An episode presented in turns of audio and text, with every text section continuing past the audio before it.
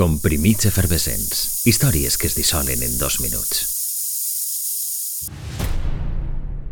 Només ho havia aconseguit la llegendària Ben-Hur el 1959 i hagueren de passar 40 anys per a que es repetira la fita.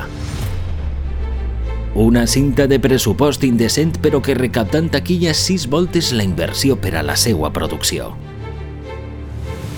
Un negoci redó i un èxit sense pal·liatius inassequible al pas del temps. Un 23 de març l'Acadèmia premiava amb 11 Oscars la producció de James Cameron, Titanic.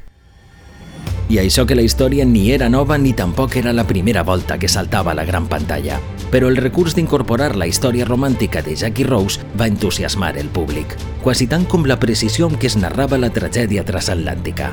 Gran part del pressupost va esfumar-se en seguretat i en la il·luminació del vaixell, i per tal d'estalviar diners es van dissenyar decorats menudets però que es multiplicaven gràcies a jocs d'espills. Un efecte de multiplicació, però en este cas electrònica, va crear la il·lusió de centenars de persones a la deriva en les escenes del naufragi, presses que es van fer amb l'aigua a només 10 graus per a evitar vapors que restaren versemblança a la catàstrofe.